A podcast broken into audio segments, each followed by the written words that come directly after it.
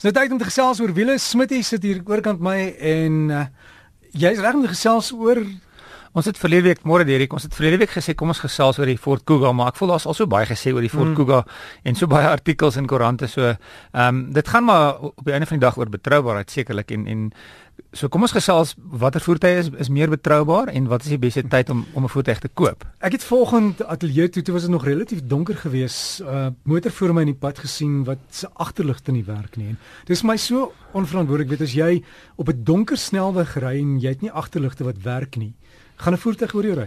Dis die ding, ehm um, die nuwe voertuie gaan vir jou sê, die nuwe voertuie het 'n liggie wat sê daar's 'n probleem. Baie maal ehm um, kan dit wees as dit 'n ouer voertuig is, weet die bestuurder self nie eers die ligte werk nie. Die maklikste is in die motorhuis.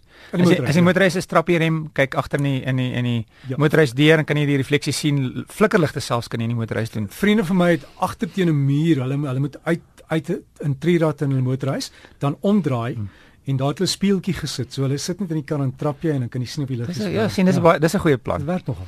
Ehm um, die beste tyd om 'n voertuig te verkoop, um, as jy 'n nuwe voertuig wil koop, is eintlik ja, kom ons sê jaar 6 en 7 gewoonlik die tyd wat vervaardigers die karre vervang hang af van die vervaardiger self, maar gewoonlik tussen 6 en 8 jaar. So kom ons neem net as 'n voorbeeld Duitse vervaardigers is gewoonlik 'n 8 jaar lewensiklus.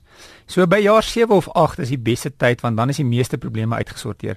So maak nie saak wie die vervaardiger is nie. As hulle 'n nuwe voertuig in die mark sit, het hulle al ongelooflik baie kilos gedoen. Ek weet byvoorbeeld Suid-Afrika is hulle baie lief vir Appington in die somer. Ek het alself hmm. toetswerk gedoen vir 'n vervaardiger in Appington voor die voertuig hiernatoe kom. So baie toetswerk word gedoen in die wêreld.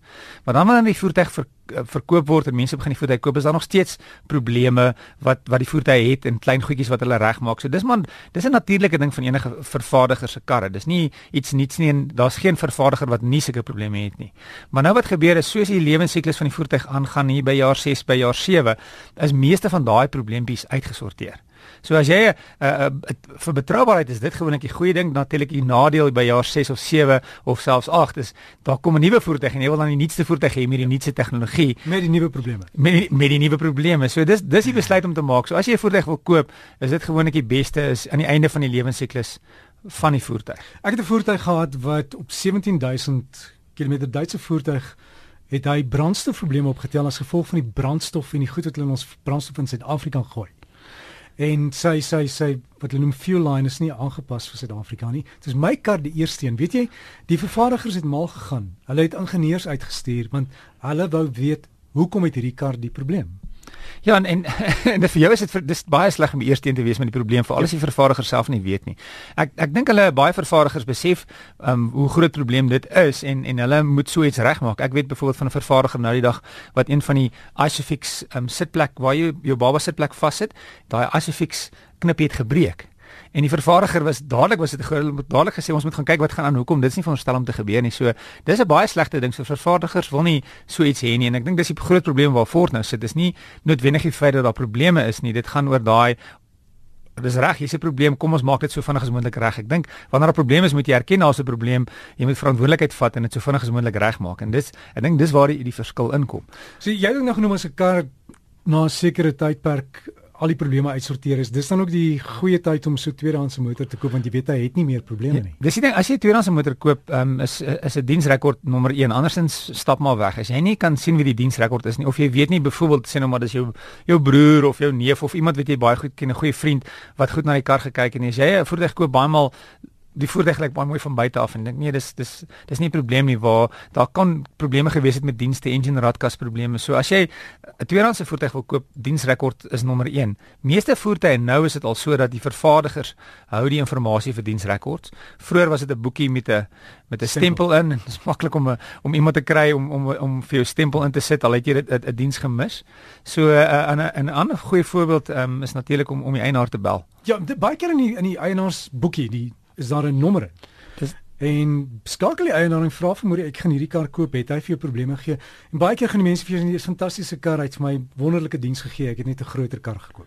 Dis dis reg. So dis die, die twee goeders is die eienaar kan opspeer en dit gewoonlik as jy as jy diensrekord kry by ver, vervaardiger gaan hulle vir jou kan sê wie was die eerste eienaar of die tweede eienaar. So dis ook gerukke aanleiding as al 10 eienaars was is dit miskien nie 'n goeie idee nie.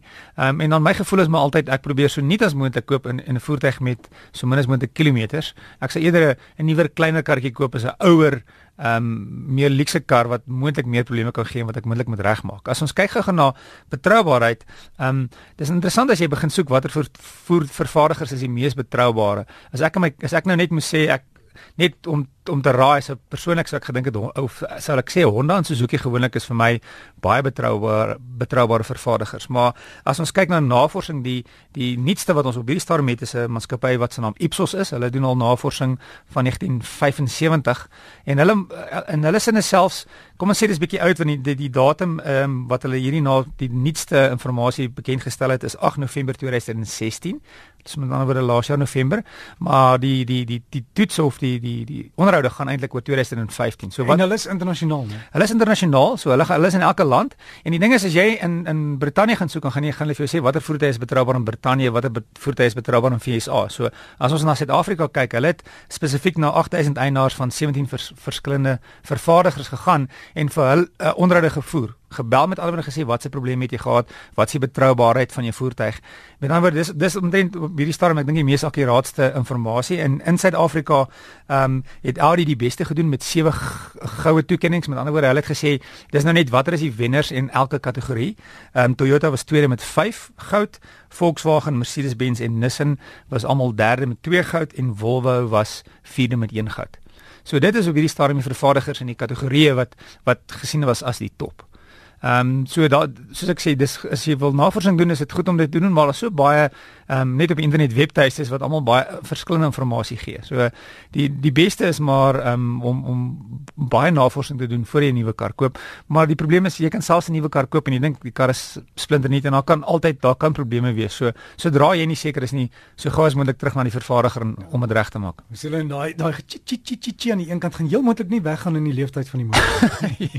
ja, as die klankie snaaks klink gaan liewer dat jy as jy vel as jy dit nie ken nie, laat iemand maar eerder as dit nie 'n probleem is, is dit beter as wat jy dit geïgnoreer het. Dit gaan nie noodwendig weg nie. Gou as van die beste veiligheidsterrein as jy nou huisterry het, het jy goeie radio in jou kar, né? Baie goeie radio. Jy maar hartseer ons luister nou na musiek van Glennis Lynn. Onthou jy vir Glennis? Nee, dis dis bietjie voor my tyd hierdie. Sy het Ramia. Ja, ja, ja. ja, ja, ja. Dit is nie, okay, dit is nie voor my tyd nie, 1980s.